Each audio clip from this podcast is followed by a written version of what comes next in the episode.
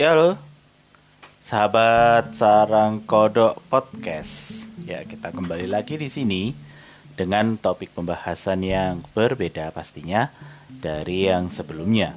Ya, uh, sebetulnya malam ini pas bertepatan dengan malam uh, sebelum masa PSBB total lagi di DKI Jakarta Adapun di malam ini uh, sebenarnya saya sudah nggak mau lagi membahas tentang COVID-19 lah, mau bicara tentang masa pandemi lah, atau mau bicara tentang uh, apa namanya new normal gitu ya, karena itu udah pembicaraan itu kayaknya udah keseringan gitu ya. Bahkan awal aku memulai podcast ini aja itu sudah langsung bahas tentang mas uh, tentang new normal karena waktu itu lagi hangat-hangatnya gitu. Tapi hari ini aku mau ngajak teman-teman uh, semua teman-teman frogis ya. Dari kata frog. Teman-teman frogis di sini untuk uh, membahas tentang sesuatu yang lebih santai. Pembicaraannya lebih unik gitu. Dari tadi mikir ya mau ngomong apaan? gitu ya. Tapi setelah dipikir-pikir ini kayaknya ada satu pembahasan yang menarik gitu teman-teman uh, aku mau mereview tentang buku yang berjudul keajaiban di Pasar Senen itu buku karya dari almarhum ya Misbah Yusabiran.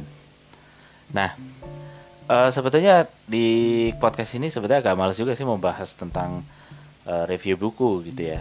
Cuman uh, dari setelah aku baca dari buku ini yang menjadi kenangan lama aku ya buku bukunya keajaiban di Pasar Senen ini buku kenangan-kenangan banget ini waktu tahun 2000 sekitar tahun 2011 ya tahun 2011 eh tahun 2010 uh, 2011 itu aku kan tinggal di kos-kosan waktu itu ya. Uh, waktu itu masih tinggal di kos sendiri dan salah satu hiburan yang menyenangkan buat aku pada waktu itu adalah uh, membaca buku ya. Membaca buku novel ya itu itu hiburan. Karena kalau di kos kosan itu kadang-kadang kalau dulu fasilitas internet kan nggak kayak sekarang gitu ya. Yang sudah banyak bagus-bagus gitu. Kalau dulu kan masih kurang gitu. Jadi dulu hiburannya kalau di kos kosan itu ya bacanya novel gitu. Nah kebetulan salah satu novel klasik yang aku beli gitu ya. Dan dulu belinya itu juga pas kebetulan belinya juga di pasar Senen gitu. Ini buku lama yang bisa dibilang ya mau dibilang buku bekas ya mungkin ya gitu ya. Karena bukunya udah usang banget. Dan ini buku yang sudah dirilis sejak tahun 1971 oleh almarhum Yusabiran yang menceritakan tentang uh, pengalaman ininya dia, pengalaman hidup dan ceritanya dia ketika masanya di uh, menjadi seniman di pasar Senen gitu. Jadi dia perkumpulannya waktu itu dengan teman-teman seniman di pasar Senen gitu ya. Oke. Okay. Nah, teman-teman, ya uh, awal awal mulanya saya membaca buku ini sebenarnya untuk iseng aja karena waktu itu nama Miss Bayu Sapiran kan begitu besar ya nama itu. Dan pasca beliau meninggal, suami dari Nani Wijaya ini itu ternyata mening uh, meninggalkan banyak karya-karyanya itu termasuk adalah skenario film dan menyutradarai beberapa film yang uh, sempat eksis di era tahun 70-an gitu ya sampai tahun 90-an. Nah, mungkin nggak panjang lebar lagi membahas tentang keajaiban di pasar Senen. Ini menceritakan yang settingnya itu adalah setting itu waktu masa-masa tahun sekitar tahun 40-an ya. Sampai tahun 60-an ini kalau dilihat settingannya itu ya. Bahkan di dalam buku ini aja masih menceritakan itu beli kopi aja harganya itu setengah rupiah itu. Nggak bisa bayangin ya kalau dihitung sekarang itu setengah rupiah itu mau dapat apaan gitu ya. Tapi ketika masa cerita di keajaiban di pasar Senen itu ada cerita menarik di sini yang aku ambil itu temanya adalah uh, tentang 13 kopi kecil dan asap rokok gitu kan. 13 kopi kecil dan asap rokok. Jadi cerita tentang 13 kopi kecil dan asap rokok itu uh, ternyata uh, membahas seorang seniman yang dia nggak banyak makan gitu ya. Tapi uh, asupan di perutnya itu hanyalah kopi dan itu per hari itu bisa menghabiskan 13 cangkir kopi gitu nggak bisa ngebayangin itu 13 cangkir kopi itu. Perutnya nggak sakit apa gimana ya? Ya ketambahan dia harus ngerokok lagi. Aduh nggak bisa bayangin lah kalau seperti itu ya. Tapi apakah ini benar adanya? Tapi yang diceritakan oleh Miss Bayusa adalah ini adalah pengalaman ketika dia waktu itu masih menjadi seniman yang belum mapan sebenarnya pada masa itu ya, tapi dia sudah berkumpul dengan para seniman yang ada di Pasar Senen dan dia menceritakan tuh banyak banyak hal yang ada di sana. Oke, uh, mungkin kalau tahun 70-an Pasar Senen itu yang berlokasi di wilayah Jakarta Pusat itu kan sebetulnya adalah itu uh, wilayah uh, apa kawasan pasar itu kan yang banyak senimannya dulu itu pusat seniman itu dulu banyak berkumpul di sana itu uh, seniman mulai dari seniman lukis gitu ya. Kemudian seni peran. Kemudian juga uh, seni tulis itu drama writing. Itu banyak berkumpul di sana gitu kan.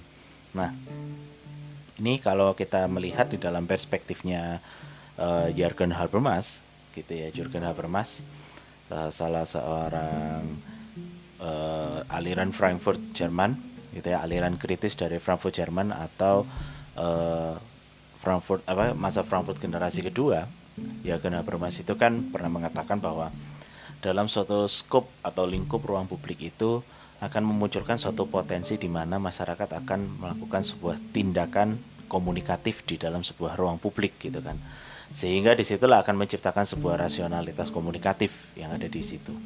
Nah, hal inilah yang diceritakan yang sebetulnya di dalam konsep Habermas inilah yang ada di dalam sebuah cerita keajaiban di pasar Senen itu bahwa e, pasar Senen itu sebetulnya ada sebuah wadah ruang publik itu bagi para seniman di sana dan di sana pun e, sesuai dengan apa yang dijelaskan di dalam satu teori yang dikemukakan oleh Habermas mengenai ruang publik bahwa ketika masyarakat di dalam satu wadah ruang publik maka dia akan menciptakan sebuah e, komunikasi yang egaliter. Orang ketika berada di sebuah ruang publik maka orang itu haruslah terlepas dari sebuah dominasi yang ada di dalam dirinya dia. Dia akan terlepas dari dominasi, terlepas dari kekuasaan di situ.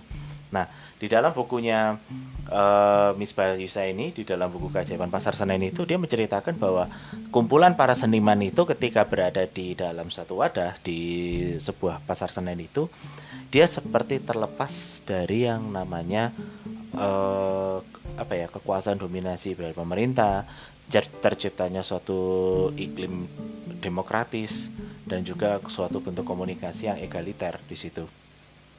Bahkan dalam suatu ruang publik di situ itu e, di mana para seniman itu berkumpul dan yang saling mencurahkan isi hatinya mereka pengalaman hidupnya mereka susahnya mencari uang susahnya mau makan gitu ya. Di sini dalam cerita yang pertama di sequel yang pertama di dalam cerita ini yang judulnya sesuai dengan isi cover bukunya itu keajaiban di pasar Senen itu itu menceritakan ada seorang pelukis yang dia betul-betul idealis untuk menjadi seorang pelukis. Ya itu uh, bernama Asmar gitu ya.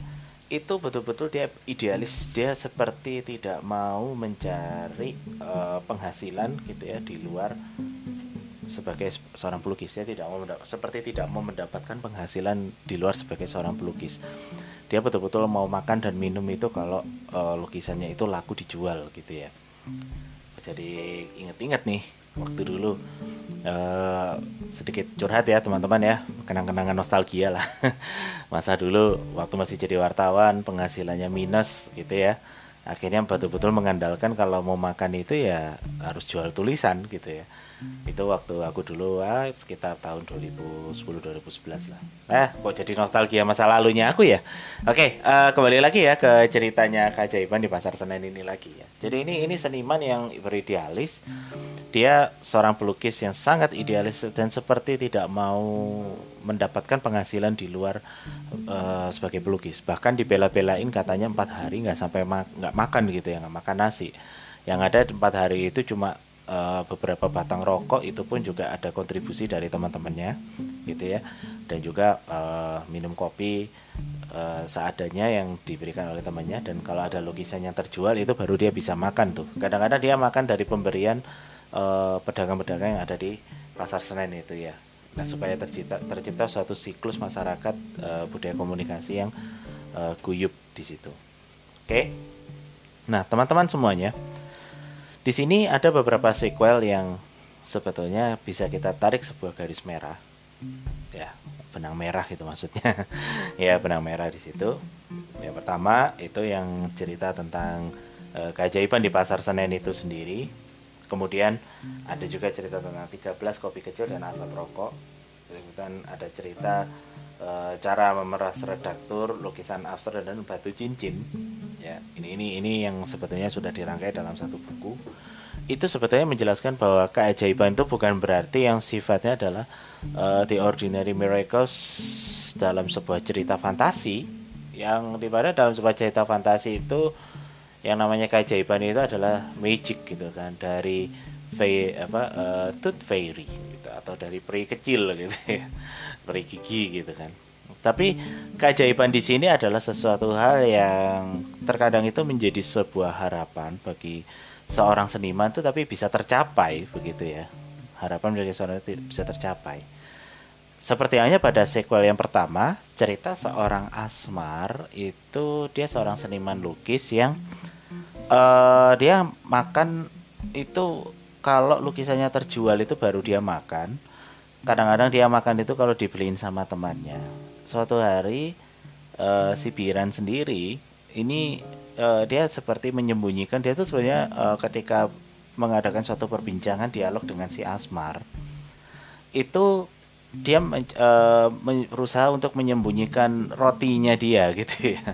Dia punya dia sebenarnya punya roti, punya roti, punya rokok gitu. Tapi dia berusaha untuk ah udahlah biar Asmar itu jangan menggantungkan makanan dan rokok dari temannya, jangan menggantungkan makan dan rokok itu dari pemberian orang lain. Ya sekali-sekali dia harus berusaha lah.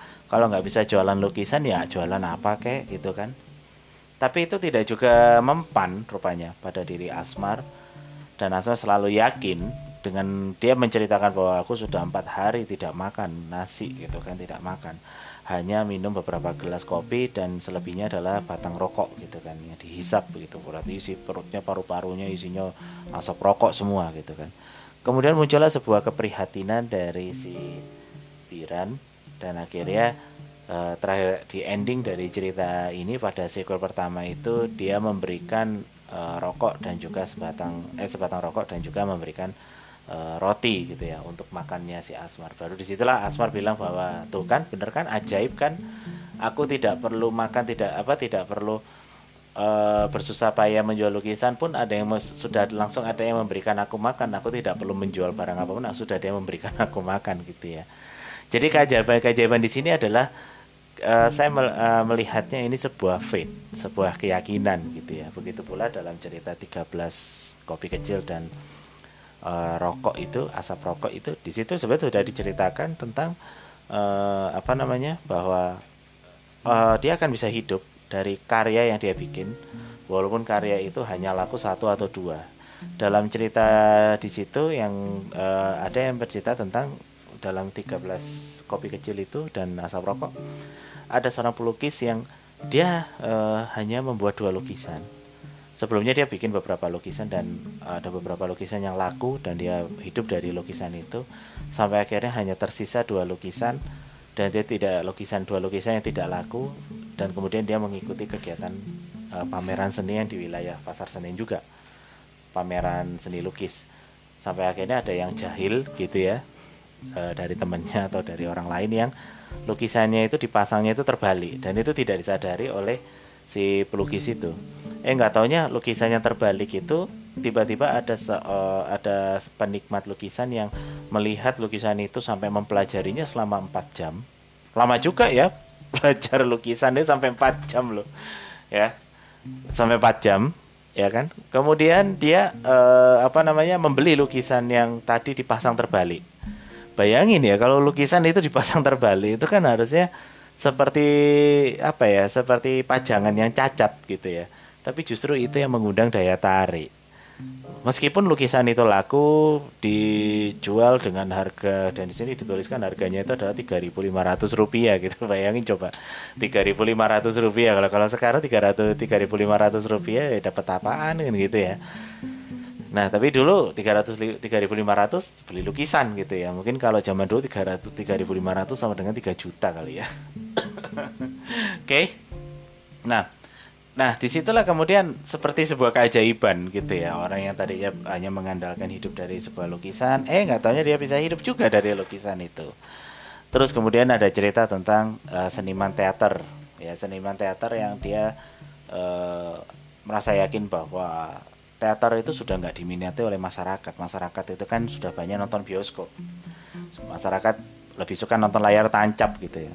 Teman-teman di sini kalau generasi milenial pernah tahu nggak nama nama layar tancap itu ya? Pernah nonton nggak layar tancap gitu ya? Kalau yang generasinya baby boomer atau generasi X ya, jangan ditanya lah gitu ya. Kayak aku gini kan eh, layar tancap aja masih sempat nonton. Nah itu uh, karena orang sudah bosan orang banyak nonton bioskop nonton layar tancap akhirnya pada nggak suka nonton teat teatrikal gitu ya. Tapi pada akhirnya uh, skrip yang dibuat oleh seorang seniman kemudian laku di ketika itu dibawa ke redaksi dan dipetaskan atau dipanggungkan dan itu bisa mencari donasi dari situ ya. Oke nah aku sebenarnya membahas ini juga nggak sebatas hanya mereview sedikit dari buku keajaiban di pasar Senen saja. Tapi kembali lagi pada segmen bahwa ini adalah uh, kajian ilmiah. Bagaimana kalau aku meng mengungkitkan dalam kajian ini di dalam perspektifnya Habermas itu seperti apa? Habermas sendiri menyatakan bahwa di dalam sebuah ruang publik itu ya di mana orang itu dia akan secara spontan atau secara uh, dirinya itu untuk mengeksplor apa yang ingin dia sampaikan kepada orang lain di situ. Dan itu adalah sebuah wadah sebenarnya ya. Seperti halnya di warung kopi. Kalau kita bicara lingkup pasar Senen, pasar Senen luas, pasar Senen kan gede, sampai stasiun juga besar. Tapi bagaimana kalau kita bicara di lingkup yang lebih mikro? Misalkan di sebuah warung kopi, di sebuah warung kopi itu tidak tidak eh, apa namanya? tidak menjadi sesuatu hal yang mustahil dalam sebuah warung kopi itu bisa menjadi akan memunculkan sebuah pergerakan sosial gitu ya. Nah, di sini saya mencoba merujuk dari beberapa hasil riset atau dari hasil penelitian itu dari uh, apa Andi Mirza Ronda. Ini kebetulan masih dosen sendiri nih di Universitas Sahid ya. Itu penelitiannya mengenai uh, demokratisasi di warung kopi gitu kan. Atau dia membahas tentang adanya komunikasi di warung kopi gitu kan. Simpel sih di dalam buku itu sebuah komunikasi sosial di warung kopi itu dengan dilihat dalam perspektif Habermas itu melihat bahwa dalam konteks ruang publik itu sangat memunculkan sebuah uh, ranah demokrasi di situ dan bisa menjadi suatu potensi terhadap pertumbuhan demokrasi di lingkungan masyarakat apalagi dalam suatu uh, masyarakat yang tersegmented di situ ya saya sendiri secara pribadi pernah melakukan riset di salah satu kafe di wilayah Menteng, eh, Jakarta Pusat, yang menjadi sentral berkumpulnya eh, para pers, pekerja pers, wartawan, dan juga eh, politisi juga di situ ya. Berkumpul di situ itu sebagai ranah ruang diskusi dan ranah demokratis ternyata bisa memunculkan suatu bentuk pergerakan-pergerakan sosial ya kan tentang adanya suatu tuntutan demokratisasi terhadap pekerja pers kemudian juga memunculkan suatu bentuk uh, aspirasi demokratisasi dalam berbicara kemudian memunculkan suatu bentuk gagasan dan ide-ide yang baru tapi tidak memuncul tidak menutup kemungkinan Habermas pun mengatakan bahwa ruang publik itu bisa menjadi sebuah potensi terhadap pertumbuhannya haluan kiri yaitu haluan-haluan kritis di situ. Nah, di dalam bukunya Andi Mirza Ronda ini demokrasi dalam warung kopi ini yang kemudian bisa membentuk atau menentukan sebuah kebijakan publik gitu kan. Apalagi ini kan penelitiannya ada di Sulawesi, lebih tepatnya ada di Makassar seperti beberapa warung kopi yang salah satunya populer adalah warung kopi Poen 6 itu kan. Nah, itu yang kemudian diyakini bisa memunculkan suatu bentuk e, kebijakan publik atau bisa membentuk uh, sebuah demokratisasi dalam lingkup masyarakat tertentu di situ. Nah, bagi Piran apabila dikaitkan dengan sebuah kajian Habermas di sini itu seperti sebuah keajaiban bahwa sebuah ranah ruang publik itu bisa memunculkan suatu hal-hal yang sifatnya adalah pembelaan terhadap kelompok-kelompok yang uh, apakah itu masuk dalam haluan kiri ataupun bisa adanya suatu perbauran baik itu masyarakat dari haluan kanan yang berpihak kepada pemerintah dengan masyarakat yang menentang terhadap uh, pergerakan dari haluan kiri. Inilah bentuk demokratisasi di dalam sebuah ruang publik. Di dalam bukunya Miss Bayusa pun dalam perspektif Habermas di sini ya ini novel ini kalau misalkan eh, teman-teman ada yang mau mengkaji novel ini dengan misalnya menggunakan pendekatan analisis teks media dan dikaitkan dengan uh, kajian di dalam ruang publik melalui kajian dalam uh, struktur makro ataupun mikro gitu ya agent and structure itu juga bisa dilihat di sini sebagai adanya suatu bentuk uh, otonomi berbicara di dalam sebuah tuh ruang publik dan itu adanya suatu demokratisasi yang tersegmented pada lingkup masyarakat tertentu. Nah, di dalam keajaiban pasar Senen sendiri itu adalah segmented dari para kelompok seniman yang berusaha untuk mengutarakan dirinya dia bahwa pada masa itu, pada tahun itu digambarkan dalam novel ini ya, ini bukan argumen saya secara pribadi enggak, tapi di masa itu digambarkan bahwa seniman itu tidak pernah mendapatkan suatu perhatian khusus dari pemerintah. Bahkan seniman itu ada kecenderungan untuk ditelantarkan oleh pemerintah ya. Bahkan tidak sedikit yang kemudian e, para seniman yang pada akhirnya itu e, menjadi korban dari pemerintah ketika berani mengkritik pemerintah.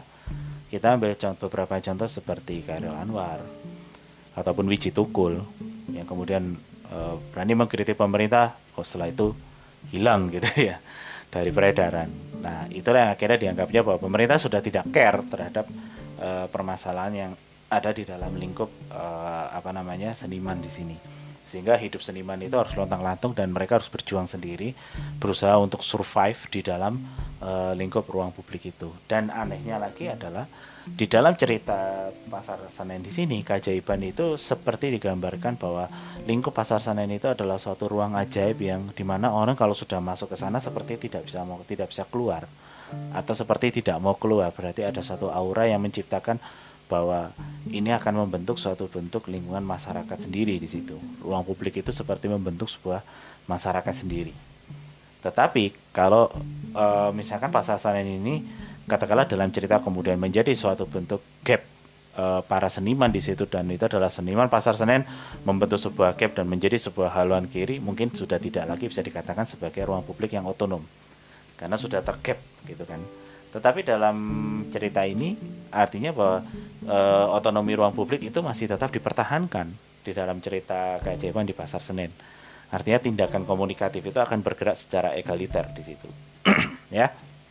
Nah, itulah e, sedikit review tentang keajaiban di pasar Senen ya. Kemudian juga e, saya mencoba combine bukan mengcompare ya mengcombine dengan buku komunikasi sosial dan demokrasi warung kopi dari uh, Pak Andi Mirza Ronda ini bahwa sebuah itu bentuk demokratisasi di dalam sebuah masyarakat itu pada dasarnya adalah uh, komunikasi itulah yang menjadi sebuah dasar atau alat ya instrumen itu untuk bisa membangun sebuah kekuasaan baik itu kekuasaan yang otoriter ataupun kekuasaan yang otonom di dalam masyarakat di situ. Nah ini uh, apa yang kita lihat di sini inilah penggambaran yang di dalam lingkup seorang seniman itu kan seperti apa kira-kira. Nah, teman-teman semuanya, ya kembali lagi pada buku keajaiban di pasar Senen, gitu ya. Kalau tadi kan saya sudah mengkaji dari perspektif ilmiah, gitu, perspektif teorinya, gitu ya. Mudah-mudahan bisa jadi referensi kali aja nanti ada novel-novel lain yang uh, menceritakan sesuatu apa kehidupan para seniman, lingkup ruang publik. Nah, itu mungkin bisa menjadi bahan penelitiannya teman-teman nanti di skripsi atau di tesis gitu kan. Nah, di sini dalam keajaiban di pasar Senen itu kalau kita melihat dalam representasi bentuk masyarakat yang ada di dalam novel ini ya itu seolah kan selalu digambarkan bajunya kusam sope-sope bolong-bolong kucel bahkan nggak mandi gitu ya malahan rambutnya berantakan gitu kan badannya bau. Ketika diundang dalam sebuah ada seorang seniman pasar Senen yang diundang dalam sebuah acaranya kelompok kaum berjuis. Orang-orang nggak ada yang berani dekat tuh ya kan? Orang-orang kaya nggak ada yang berani dekat nggak ada yang berani ini karena baunya katanya nggak enak lah yang kucel lah yang apalah kotor lah macam-macam gitu ya. Dan ini seperti sebuah stigma yang cukup melekat gitu ya bahkan sampai sekarang pun masih ada stigma itu. Jadi kalau seniman itu dandanannya kayak gembel gitu ya. Rambutnya gondrong kemudian celananya sope-sope nggak mandi gitu kan ya. Kalau udah sekali bikin karya itu sampai nggak makan nggak mandi gitu kan. Nggak dandan lah nggak pakai deodoran lah gitu ya. Bahkan lebih hemat sabun sama sampo. Uh, bahkan kalau perlu hemat sikat gigi. Tapi tidak hemat uh, terhadap alat alat karya seninya gitu. Kalau pelukis ya mungkin dia lebih lebih irit pakai sabun ketimbang pakai cat minyak gitu ya. Cat minyak untuk melukis itu lebih irit gitu. Atau kalau dia pelukis cat air ya cat airnya lebih irit gitu ya. Kalau dia uh, seniman tulis yang menggunakan mesin tik mungkin karbonnya itu lebih poros daripada pakai sabun untuk untuk mandi gitu kan ya dan itu yang digambarkan di dalam uh, cerpen ini juga seperti itu gitu ya. Jadi uh, seperti bahwa apa ya sebuah bentuk penampilan seorang seniman itu itu kalau di dalam ke dalam sebuah cerita keajaiban di pasar Senen itu penampilan seorang seniman yang mohon maaf dalam tanda kutip seperti gembel gitu ya. Kasar nggak sih kalau aku ngomong gembel? Mudah-mudahan enggak lah ya. Ya seperti gembel gitu itu sebetulnya bukan semata-mata bahwa mereka ingin tampil seperti itu. Tapi itu sebetulnya adalah sebuah bentuk aspirasi ingin menyampaikan gitu ya sebuah pendapat sebuah pandangan gitu ya. Ingin seperti mensimbol menyimbolkan mensimbolkan dirinya itu kepada orang lain dan mengkomunikasikan itu kepada orang lain bahwa ini adalah bentuk di mana keprihatinan seorang seniman karena tidak diperhatikan hidupnya oleh pemerintah. Jadi dia dandanannya seperti itu gitu ya. Ya nggak bisa di gak bisa dibandingin lah sama seniman dari Perancis yang kalau teman-teman lihat itu seniman Perancis itu banyak yang rapi gitu ya dan dan bajunya segala itu banyak yang rapi gitu kan. Nah kalau ini dia seperti menggambarkan bahwa ini adalah representasi seorang pelukis itu ini adalah upaya untuk mengkomunikasikan penampilannya dia mengkomunikasikan sebuah pakaiannya dia itu ditampilkan bahwa yang namanya seniman itu hidupnya sering kali nggak makmur nggak mapan gitu ya jadi kalau kamu mau mapan, kalau kamu hidupnya mau makmur ya jangan jadi seniman. Kan begitu ya. Cuman masalahnya kalau tidak ada seniman atau tidak ada sebuah karya seni, lalu mau taruh di mana budaya kita? Itu pertanyaan dari saya itu. Ya kan? Silakan Anda jawab sendiri. Tapi dengan adanya sebuah seni, adanya seniman, adanya art dalam kehidupan kita, maka kita kan hidup itu akan penuh dengan seni. Maka di situlah kultur kita akan semakin uh, naik, akan semakin bangkit lah ibaratnya. Semoga ini uh, apa namanya menjadi sebuah uh, penggambaran gitu ya, bahwa apa yang digambarkan ini penampilan yang buruk, penampilan yang kucel gitu ya, seperti gembel tadi saya bilang bukan berarti bahwa seorang seniman itu bahwa seniman selalu identik dengan yang namanya kiri atau kemiskinan gitu ya. Enggak. Itu adalah bentuk simbolisasi sebuah sebuah komunikasi bahwa banyak ketika kehidupan seniman itu sering kali tidak pernah mendapatkan atensi yang bagus gitu kan dari kalangan masyarakat. Apalagi di era modern seperti ini ya eh, seni itu seperti terkalahkan dengan yang namanya eh, administrasi terkalahkan dengan yang namanya rutinitas pekerja sehari-harian yang berorientasi pada finansial atau monetized di situ ya sehingga art itu menjadi terabaikan. Cukup miris juga sih sebenarnya. Makanya uh, aku pun kalau misalkan uh, di satu sisi aku juga pekerjaan sebagai seorang dosen gitu ya. Aku bikin karya juga bikin karya tulis ya kan? Tapi terkadang berpikir juga bahwa mungkin aku nggak terlalu berbakat untuk menggambar walaupun sedikit-sedikit bisa gitu ya. Tapi nggak terlalu bakat menggambar. Tapi setidaknya ada art yang bisa aku lampiaskan. Seperti halnya tulisan itu kan juga menjadi sebuah art gitu. Seperti novel cerpen itu kan bisa menjadi sebuah art. Artinya bahwa dengan art itulah aku merasa seperti bahwa aku hidup gitu kan.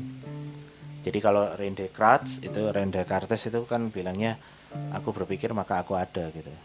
Ya kan? Nah ini kalau di dalam seni aku berkarya maka aku ada.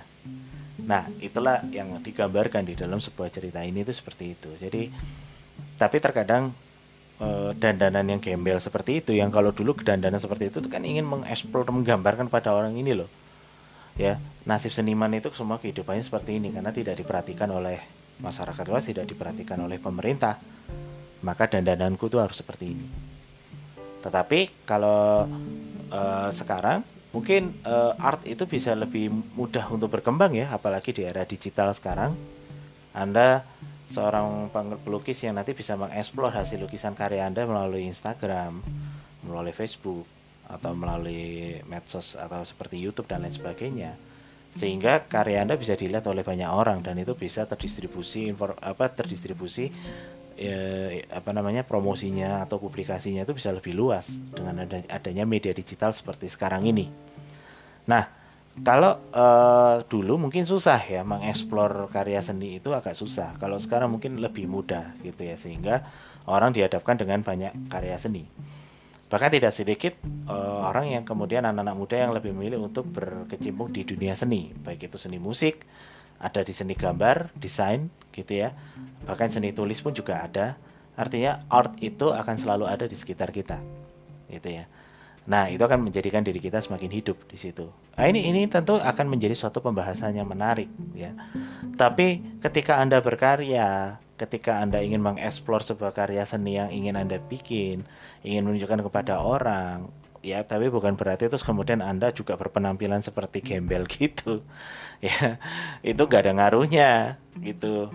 Katanya banyak bilang itu kalau dandanannya rapi itu bukan seniman, oh enggak lah ya banyak kok seniman-seniman dan dananya rapi juga banyak gitu kan ya kalau kita ambil contoh beberapa scriptwriter scriptwriter seperti Salman Aristo terus kemudian scriptwriter uh, banyak tuh yang cewek itu ya kemudian seperti Dirgantoro Doni Dirgantoro itu kan juga scriptwriter juga tuh dan banyak uh, scriptwriter yang uh, muda-muda yang sekarang justru dananya rapi-rapi juga nggak ada masalah atau dengan penampilan mereka tetapi karya yang penting kan adalah karyanya itulah yang menjadi prioritas gitu ya. Jadi kalau buat teman-teman yang mendengarkan podcast ini apalagi yang Anda suka berkecimpung di art atau seni mungkin lebih baik Anda prioritaskan di karya tapi juga bisa memperbaiki penampilan Anda. Gitu ya. Nah, jadi uh, kalau mungkin kalau sekarang bisa lebih lebih diekspresikan dalam sebuah karya seni tidak harus dalam bentuk penampilan gitu ya. Kalau mungkin kalau dulu beda karena namanya beda zaman pasti ada beda beda teknologi, beda perangkat, beda tools gitu ya. Jadi uh, so kita berharap bahwa nanti ke depannya masyarakat bisa lebih bijak ya menanggapi bahwa dalam sebuah uh, karya seni itu juga ada sebuah makna di dalamnya dan bagaimana cara kita mengkomunikasikan uh, karya-karya kita keluar itu juga memiliki makna yang berarti di situ. Ya itu bisa kita utarakan. Sekarang mediumnya pun juga semakin banyak dan semakin luas di situ ya. Oke? Okay? nah jadi uh, tetap bahwa ketika dalam sebuah ruang publik itu bahwa kita adalah orang yang uh, bebas dan otonom gitu ya. Kita bisa mampu menciptakan suatu budaya komunikasi yang egaliter di situ tetapi perlu dipahami bahwa bukan berarti kita adalah seorang ekstremis di dalam sebuah ruang publik tapi dalam sebuah ruang publik adalah ruang demokratisasi yang di mana itu nanti tujuannya adalah untuk membangun sebuah uh, pemikiran untuk kebaikan dan kepentingan bersama oke okay? Oke, teman-teman, uh, dari podcast Sarang Kodok mungkin itu itu saja yang bisa aku sampaikan ya. Uh, mungkin kalau apabila ada masukan, ada kritik, monggo langsung bisa langsung di apa namanya di chat aja atau langsung di jangan lupa di follow juga ya di Spotify dan beberapa platform apa podcast dan juga nanti bisa nyampaikan kritik dan sarannya ya. Uh, mungkin itu saja yang bisa aku sampaikan. Semoga teman-teman semua tetap menjaga kesehatan, kita terhindarkan dari virus corona dan tetap produktif selama masa bekerja dari rumah, belajar dari rumah maupun beribadah dari rumah. Oke, itu saja dari saya. Terima kasih ya. Assalamualaikum warahmatullahi wabarakatuh. Salam Frogis, salam Sarang Kodok Podcast. thank you